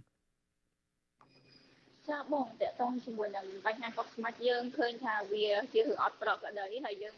មិនមែនថាតែកោះស្មាច់ទេកោះជាច្រើននៅខេត្តកោះកុងគឺយើងតែងតែជួបប្រទះនៅរឿងហ្នឹងប៉ុន្តែយើងចង់លើកបញ្ហាកោះស្មាច់មកនិយាយមួយទី1កោះស្មាច់មានមានការដាក់ឆ្លាក់លូកដីដែលនេះជាបញ្ហាមួយត្រូវការបកស្រាយហើយយើងធ្វើវីដេអូពីកោះស្មាច់ហ្នឹងក៏យើងមានគោលបំណងក្នុងការលាតត្រដាងឲ្យប្រជាពលរដ្ឋបានឃើញបង្ហាញប្រជាពលរដ្ឋក៏ដូចជាសាធារណជនបានឃើញពីភាពអត់ប្រក្រតីនៃកោះតែមួយទេនៅខេត្តកោះកុងនេះ ហើយគ្រប់គ្នាអត់ទៅស្គាល់ទេកោះស្មាច់ដែលមានមាន location មានទីតាំងនៅភូមិកតៃក្រោមឃុំកោះកពីស្រុកកោះកុងខេត្តកោះកុងហើយអឺមួយទៀតយើងចង់ស្នើឲ្យរដ្ឋាភិបាលមានការឆ្លើយតបជាបន្ទាន់ជាមួយរឿងហ្នឹងព្រោះយើងមើលឃើញថាអឺវាជាកតាបកិច្ចមួយដែលត្រូវឆ្លើយតបហើយក៏មិនមែនត្រឹមតែកោះហ្នឹងទេប៉ុន្តែយើងចង់ឲ្យមានការអឺបញ្ជាក់ថាកោះហ្នឹងត្រូវបានប្រគល់ឲ្យឯកជនរូបណាព្រោះយើងក៏បានដឹងឈ្មោះ បុគ្គលដែលជាម្ចាស់នៃកោះនឹងដែរដែលយើងបានសួរអ្នកយាមនៅទីនោះក៏ប៉ុន្តែយើងក៏អត់ទាន់យើងត្រូវការព័ត៌មានហ្នឹងពីពីរដ្ឋាភិបាលក៏ដូចជាពីក្រសួងពាក់ព័ន្ធដោយផ្ទាល់ដែលយើងមិនបញ្ចេញឈ្មោះបុគ្គលហ្នឹងទេបាទអឺក្រមមេដាធម្មជាតិបានចេញវីដេអូផ្សាយអំពីករណីកោះស្មាច់នេះហើយខ្ញុំចង់ថាតើមកដល់ពេលនេះបងអូនទទួលបានការឆ្លើយតបផ្លូវការឬមួយក៏ក្រៅផ្លូវការណាមួយហើយឬនៅពីរឿងដែលបងអូនចង់សួរទៅកាន់រដ្ឋាភិបាលនេះបាទ ចាអឺមិនទាន់មានការឆ្លើយតបណាមួយទេបងបាទលីសាឥឡូវខ្ញុំចង់ងាកមកចាប់អារម្មណ៍ទៅនឹងទស្សនភាពទេសភាពវិញលោកអ្នកនាងបានឃើញស្រាប់ហើយថារូបភាពនឹងដូចជាមើលទៅស្អាតមែនទែនទឹកដៃសមុទ្រនឹងគឺមានខៀវសងាត់ជាមួយនឹងដើមឈើនឹងខ្ញុំចង់ឲ្យបងអូនរៀបរាប់បន្ថែមតិចមើលថាតើចំណាប់អារម្មណ៍ក្រៅពីការសោកស្ដាយក្រៅពីអីម្បាញ់មិញនឹងថាតើតំបន់កោះស្មាច់នឹងជាមួយនឹងតំបន់មួយចំនួនទៀតដែលនៅក្នុងក្បែរក្បែរតំបន់ពីមកសោបនឹងថាតើមានសក្តានុពលបែបណាដែរដែលយើងគិតថាចាំបាច់ត្រូវតែការពារចាំបាច់ត្រូវតែរដ្ឋាភិបាលយកចិត្តទុកដាក់ឬមួយក៏ដកហូតពីឯកជនមកវិញនឹងបាទចាបងតើតើជាមួយនឹងកោះស្មាច់ហ្នឹងបើយើងនិយាយទៅវានៅតំបន់ពីមកសោបអញ្ចឹងតំបន់ជាងកសោតនោះគឺជាតំបន់មួយដែលជាដែនជម្រកសត្វព្រៃដ៏ធំមានព្រៃកោងកាងមានសត្វស្លាបមានអីជាច្រើនដែលបើពេលខ្ញុំជិះនោះគឺ ខ្ញុំកាន់ទូរស័ព្ទក្នុងការថតរហូតវាវាស្អាតទេសភាពតែខ្ញុំហាក់រៀងសង្អោយចិត្តដែលកោះហ្នឹងត្រូវបានຕົកដូចຕົកដូចຕົកចោលអញ្ចឹងបងវាថាក៏ពិតសក្តានុពលវាត្រូវតែបានមានអ្នកបង្ហាញជាសាធារណៈសក្តានុពលត្រូវអនុអភិវឌ្ឍអីទៅតាមអីដែលវាអាចនឹងទៅរួចដូចជាបង្ហាញដល់ទេសចរជាតិនៅអន្តរជាតិអីផ្សេងៗតែក៏ហ្នឹងគឺត្រូវបាន ទុកចោលខ្ញុំអាចនិយាយចឹងលីសាដោយសារប្រហែលជាដោយសារតែការដែលទុកចោលនឹងហើយទៅដឹងដែលនៅសល់សម្បត្តិធម្មជាតិដែលនៅសល់ទេសភាពអីអាចឲ្យបងអូនគយគុណនិងយុវជនដទៃទៀតបានគយគុណនឹងបើសិនជាមានការចូលទៅច្រើនមានការផ្ដល់ឲ្យឯកជននឹងអញ្ចឹងមិនទៅជាប្រែคล้ายទៅជារបស់លែងទុកចោលទៅជារបស់ដែលគេកែច្នៃហើយបង្កើតជា resort អីផ្សេងផ្សេងទៅហើយមិនអញ្ចឹងណាបាទចាចាជាការពិតរបស់អឺយ៉ាងទៅ រដ្ឋអាចអភិវឌ្ឍបានផ្ដល់ទៅឲ្យឯកជនបានលុះថាតើកន្លែងហ្នឹងវាអស់លទ្ធភាពដែលរដ្ឋអាចធ្វើបានក៏ពិតរដ្ឋមានសមត្ថភាពក្នុងការយកកោះស្មិចហ្នឹងមកអភិវឌ្ឍឬក៏អាចធ្វើអីបានដោយគ្រប់គ្រងដោយរដ្ឋខ្លួនឯងខ្ញុំខ្ញុំចង់មានន័យថាអញ្ចឹងមិនចាំបាច់តទៅឲ្យឯកជនទេព្រោះការដែលឲ្យ អភិវឌ្ឍទៅឲ្យឯកជនគឺភាគច្រើនយើងអត់ឃើញរូបភាពល្អទេនៅកម្ពុជាយើងអញ្ចឹងមួយទៀតនៅពេលដែលអត់មានអាតម្លាភាពនៃការបង្ហាញការអនុប្រយោគអីផ្សេងផ្សេងហ្នឹងអាហ្នឹងសិតតែជាហានិភ័យខ្ពស់សម្រាប់កោះស្មាច់ហ្នឹងក៏ដូចជាកោះផ្សេងផ្សេងនៅកោះកុងបងចា៎បាទលីសាខ្ញុំចង់សួរសំណួរមួយទៀតតកតងទៅនឹងរឿងសវត្ថភាពវិញដោយសារតែយើងដឹងហើយថាក្រមមេដាធម្មជាតិបច្ចុប្បន្ននៅមានប្អូននៅមានសកម្មជនដទៃទៀតនៅធ្វើសកម្មភាពប៉ុន្តែនៅក្នុងពេលជាមួយគ្នានឹងក៏មានក្រមដែលអះអាងថាជាសកម្មជនបរិស្ថានដែរជាអ្នកការពារបរិស្ថានដែរបានចេញមកបង្កើតជាអង្គការហ្នឹងហើយក៏ចាប់ផ្ដើមគៀកោឲ្យយុវជនដទៃទៀតចូលរួមជាមួយហើយនឹងចាប់ផ្ដើមពមៀនថាមាននឹងប្រើប្រាស់វិធានការច្បាប់អីចឹងជាដើមខ្ញុំចង់ដឹងពីសវត្ថភាពរបស់ក្រុមប្អូនវិញថាតើពួកយើងមានសវត្ថភាពដែរទេនៅពេលដែលចុះទៅតំបន់ឧទាហរណ៍ដូចជាតំបន់កោះស្មាច់ឬមួយក៏ពីមកសោបនេះនៅក្នុងខេត្តកោះកុងហ្នឹងបាទចាពេលដែលខ្ញុំទៅទៅថតទៅថតវីដេអូនៅកោះស្មាច់ហ្នឹងគឺនៅចិត្តកោះសាឡៅដែរហ្នឹងគឺក្រុមមួយក្រុមទៀតខ្ញុំអត់ទៅបានចាប់អារម្មណ៍ក្រុមនៃនៃចលនានៃនៃអង្គការធម្មជាតិហ្នឹងក៏បានចុះទៅដែរចុះទៅតំបន់អរ៉ែងដែរអញ្ចឹងវាវាធ្វើឲ្យក្រុមរបស់ខ្ញុំមានការព្រួយបារម្ភចំពោះសុខភាពអ្នកខ្ញុំក៏ដូចជាសុខភាពអ្នកដែលគាត់តែជួយថតដែរអញ្ចឹងណាហើយក៏បើនិយាយពីសុខភាពឥឡូវគឺយើងអាចនិយាយបានថាមកពីនាងខ្ញុំតតបានទៅចាប់អារម្មណ៍បងគឺពួកយើងផ្ដោតលើការងារហើយក៏អឺយើងអត់ដែលបានប្រតិកម្មអីជាមួយហើយយើងក៏អត់ទៅដឹងរឿងថាវាអត់មានអាចនិយាយបានថាវាអត់មានអត្តពលអីមកលើក្រុមយើងបានអញ្ចឹងណាបងវាអត់ឃើញអីដែលប៉ះពាល់ដល់យើងព្រោះ យើងអាចនិយាយបានថាលទ្ធភាពក៏ដូចជាលទ្ធផលនៃការងារយើងទេដែលបង្ហាញដល់សាធារណជនចឹងបាទអឺអរគុណលីសាច្រើនដែលបានចូលផ្ដល់បទសម្ភាសន៍នៅពេលនេះខ្ញុំចង់មានសំណួរដែលខ្លីតែមួយទៀតទេដោយសារឃើញក្រុមប្អូននាំគ្នានឹងចោះស្រង់មតិចោះស្រង់ទស្សនៈយោបល់របស់ប្រជាពលរដ្ឋរបស់យុវជនអំពីរឿងការពារបរិស្ថាននៅថ្ងៃស្អែកថ្ងៃខាងស្អែកនេះថាតើអាចជម្រាបជូនដោយខ្លីបានទេយើងមានពេល1នាទីបាទ ពីការពិតអខ្ញុំនឹងធ្វើការបោះហោះនៅលើ page ថ្ងៃស្អែកក៏តែខ្ញុំអាចប្រាប់ទូទូបានដោយសារតែយើងនឹងមានការចោះស្ទង់មតិដោយយើងឃើញថាបច្ចុប្បន្នហ្នឹងគឺអឺកំឡុងពេលចិត្តចូលឆ្នាំហ្នឹងគឺគេមានធួសង្ក្រានក៏ដូចជាធួបនភូមិអីអញ្ចឹងយើងចង់យកឱកាសហ្នឹងក្នុងការធ្វើធួចុះស្រង់មតិជាសេរីចំនួន3ថ្ងៃដូចគ្នាទាក់ទងនឹងបញ្ហាធនធានធម្មជាតិនិងអបាយឋានអីផ្សេងផ្សេងអញ្ចឹងហ្នឹងគឺយើងអាចប្រាប់ទ្រុសទ្រុសហើយគោលបំណងគឺទី1យើងចង់មានការស្វែងរក ពីប្រជាពលរដ្ឋក្នុងចំណាប់អារម្មណ៍ពួកគាត់ក្នុងការបញ្ហាធនធានធម្មជាតិនិងបរិស្ថានហើយទី2គឺយើងចង់ស្នើរាជរដ្ឋាភិបាលក្នុងការចូលរួមដោះស្រាយពីបញ្ហាធនធានធម្មជាតិដោយសារតែកន្លងមកគឺយើងបានឆ្លើយតបក៏ដូចយើងបានស្នើឲ្យមានការដោះស្រាយតែវាហាក់បីដូចជាសម្លេងយើងធម្មជាតិសម្លេងសម្ោចដែលដែលត្រូវបានឆាត់ចោលដែលអត់មានការឆ្លើយតបវិជ្ជមានណាមួយចាអរគុណធ្វើធ្វើនៅទីតាំងណាខ្លះបាទសុំតែខ្លីទីតាំងណាខ្លះបាទអឺ ចាយើងធ្វើនៅទីតាំងទីតាំងទី1គឺនៅរំរំវងមូលកដាំ2នៅទីស្តីការគណៈរដ្ឋមន្ត្រីហើយនឹងទី2គឺភូមិន្ទនីតសាស្ត្រហើយទី3គឺនៅបរមរាជវាំងបាទអរគុណលីសាច្រើនយើងនឹងបន្តតាមដានរឿងនេះតទៅទៀតខ្ញុំបាទសូមអរគុណនិងសូមជម្រាបលាលីសាត្រឹមប៉ុណ្ណេះបាទអរគុណបងជម្រាបលាបាទ បាទលោកអ្នកនាងជាទីមេត្រីឥឡូវនេះយើងងាកមកចាប់អារម្មណ៍ទៅនឹងរឿងសត្វស្វាក្តាមដដែលនេះរឿងរ៉ាវជួញដូរសត្វស្វាក្តាមនេះកំពុងតែคล้ายទៅជាសំណុំរឿងក្តីក្តាមដ៏ធំមួយតាមផ្លូវតុលាការនៅសហរដ្ឋអាមេរិកមន្ត្រីជាន់ខ្ពស់ក្រសួងកសិកម្មដែលធ្វើការងារខាងអភិរក្សសត្វព្រៃចំនួន2រូបកំពុងជាប់ពាក់ព័ន្ធទៅនឹងសំណុំរឿងរត់ពន្ធសត្វស្វាក្តាមដែលធ្វើឲ្យក្រកក្រៅពិភពលោកនៅពេលនេះបាទ នោះគឺជាប្រធាននាយកដ្ឋានសត្វព្រៃនិងជីវៈចម្រុះលោកគ្រីម៉ាផល ដែលបច្ចុប្បន្នកំពុងជាប់ឃុំនៅក្នុងផ្ទះនៅក្បែររដ្ឋធានី Washington សហរដ្ឋអាមេរិកដើម្បីរងចាំសវនាការកាត់ក្តីនាខែមិថុនាខាងមុខនេះរីឯម្នាក់ទៀតគឺជាអគ្គនាយករដ្ឋបាលព្រៃឈើគឺលោកកែវអូម៉ាលីដែលកំពុងតែមានសេរីភាពនៅកម្ពុជានៅឡើយបាទក្រៅពីនេះមន្ត្រីជាន់ខ្ពស់មួយរូបទៀតមានឋានៈជារដ្ឋលេខាធិការក្រសួងកសិកម្មគឺលោកសេនសវណ្ណ ក៏អាចជាប់ពាក់ព័ន្ធនៅក្នុងសំណុំរឿងជួញដូរសត្វស្វាក្តាមនៅពេលនេះដែរបាទថាតាកតាអ្វីខ្លះដែលលោកអ្នកនាងគួរយល់ដឹងអំពីរឿងរ៉ាវចំនួនសត្វស្វាក្តាមនិងសំណុំរឿងក្តីក្តាមនៅតុលាការអាមេរិកនេះបាទលោកសេកបណ្ឌិតសូមជូនសេចក្តីរាយការណ៍នេះពឹស្ដាដូចតទៅ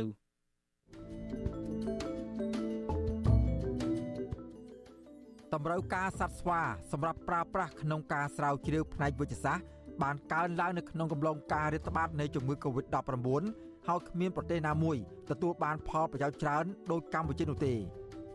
កម្ពុជាបាននាំចេញសត្វស្វាកន្ទុយវែងកើនឡើងដល់ទឹកប្រាក់រាប់លានដុល្លារកាលពីឆ្នាំ2022ដោយសារតែជីវសាស្ត្ររបស់វាស្រដៀងទៅនឹងមនុស្សបើទោះបីយ៉ាងណារដ្ឋអាជ្ញាសហរដ្ឋអាមេរិកលើកឡើងថា អាជីវកម្មនេះមិនស្របច្បាប់ទាំងស្រុងនោះទេ មន្ត្រីកម្ពុជាត្រូវបានគេរំពឹងថា ជាអ្នកជួយត្រួតពិនិត្យ ការនាំចេញសត្វស្វាដើម្បីធានាថា ការនាំចេញសត្វស្វានេះធ្វើឡើងដោយស្របច្បាប់ប៉ុន្តែផ្ទុយទៅវិញតុលាការអាមេរិកបានចោទប្រកាន់មន្ត្រីកម្ពុជាទាំងនោះថាបានចូលរួមប្រកបរបរជួញដូរសត្វស្វាដោយខុសច្បាប់ទៅវិញតាមច្បាប់មានតែសត្វស្វាដែលគេចិញ្ចឹមតែប៉ុណ្ណោះដែលគេអនុញ្ញាតឲ្យប្រើប្រាស់ក្នុងការធ្វើពិសោធន៍វិទ្យាសាស្ត្រវិធីនេះដើម្បីការពារការបាត់បង់សត្វស្វានៅក្នុងព្រៃ និងរក្សាសុចរិតភាពសម្រាប់ការធ្វើពិសោធន៍ផ្នែកវិទ្យាសាស្ត្រក៏ប៉ុន្តែការបន្តពូជសត្វស្វាកន្ទុយវែងប្រើប្រាស់រយៈពេលយូរទើបមានការចោទប្រកាន់ថាសត្វស្វាកន្ទុយវែងព្រៃត្រូវបានគេដាក់បញ្ចូលនិងសត្វស្វាចិញ្ចឹមយកទៅសហរដ្ឋអាមេរិកដើម្បីធ្វើពិសោធន៍មន្ត្រីជាន់ខ្ពស់រដ្ឋាភិបាលកម្ពុជាផ្នែកការពារសត្វព្រៃម្នាក់កំពុងរងចាំសវនាការនៅទីក្រុងម៉ាយ៉ាមី តុលាការអាមេរិកបានចោទប្រកាន់លោកពីបទចូលរួមខុបខិតគ្នាជួញដូរសត្វស្វា ដែលត្រូវបានគេចាប់ពីព្រៃដោយខុសច្បាប់ទៅសហរដ្ឋអាមេរិកលោកនិងមន្ត្រីរដ្ឋាភិបាលផ្សេងទៀតបានបដិសេធបទចោទប្រកាន់របស់តុលាការអាមេរិកកសិដ្ឋានចិញ្ចឹមសត្វស្វា ដែលមានការការពារដ៏ម៉ត់ចត់នេះ ជារបស់ប្អូនស្រីរបស់មេដឹកនាំបរោះខ្លាំងលោកហ៊ុនសែន កសិដ្ឋាននេះមិនមែនពាក់ព័ន្ធនឹងបណ្ដឹងរបស់រដ្ឋាភិបាលអាមេរិកចោតប្រកាន់មន្ត្រីខ្មែររត់ពន្ធសត្វស្វាព្រៃនោះទេអតីតភ្នាក់ងារសេវាកម្មត្រី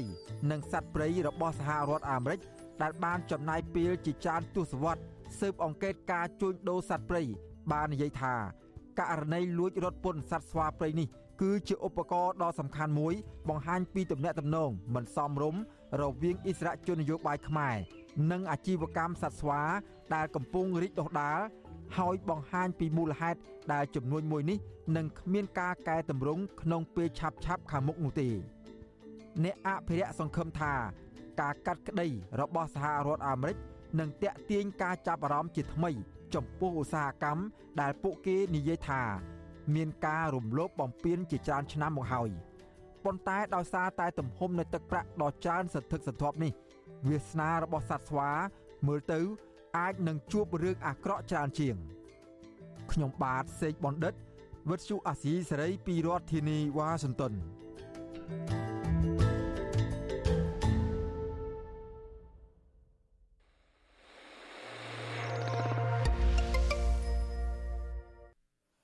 បាទលោកអ្នកនាងជាទីមេត្រីដោយដែលលោកអ្នកនាងបានទស្សនាសេចក្តីរាយការណ៍របស់លោកសេចបណ្ឌិតហើយគឺថា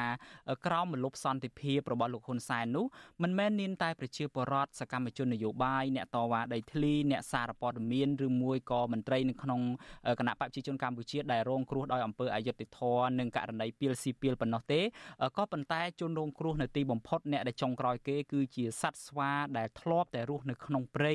ដែលធ្លាប់តែរស់នៅដោយសុខសាន្តនោះទៅវិញបាទចំនួនដូរការជួញដូរសត្វស្វាក្តាមទៅក្រៅប្រទេសនេះគឺជារឿងអាស្រូវមែនទែនដែលកំពុងកើតឡើងនៅកម្ពុជាហើយនេះក៏ប្រហែលជាអាចជាវិញ្ញាសាមួយសម្រាប់រដ្ឋមន្ត្រីក្រសួងកសិកម្មថ្មីគឺលោកដិតទីណាដែលជាកូនប្រុសរបស់លោកដិតមន្ទីរប្រធានតុលាការកំពូលនោះដែរដើម្បីឲ្យលោកជួយដោះស្រាយពីព្រោះថាករណីនេះកើតឡើងនៅពេលដែលលោកខ្លាយទៅជារដ្ឋមន្ត្រីតាមរយៈការតែងតាំងពីលោកហ៊ុនសែននោះបាទហើយលោកនាងដឹងទេថាគ្រាន់តែនៅក្នុងឆ្នាំ2022តែមួយប៉ុណ្ណោះគឺថាកម្ពុជារកចំណូលបានពីការជួញដូរសត្វស្វាក្តាមនេះរហូតដល់ទៅជាង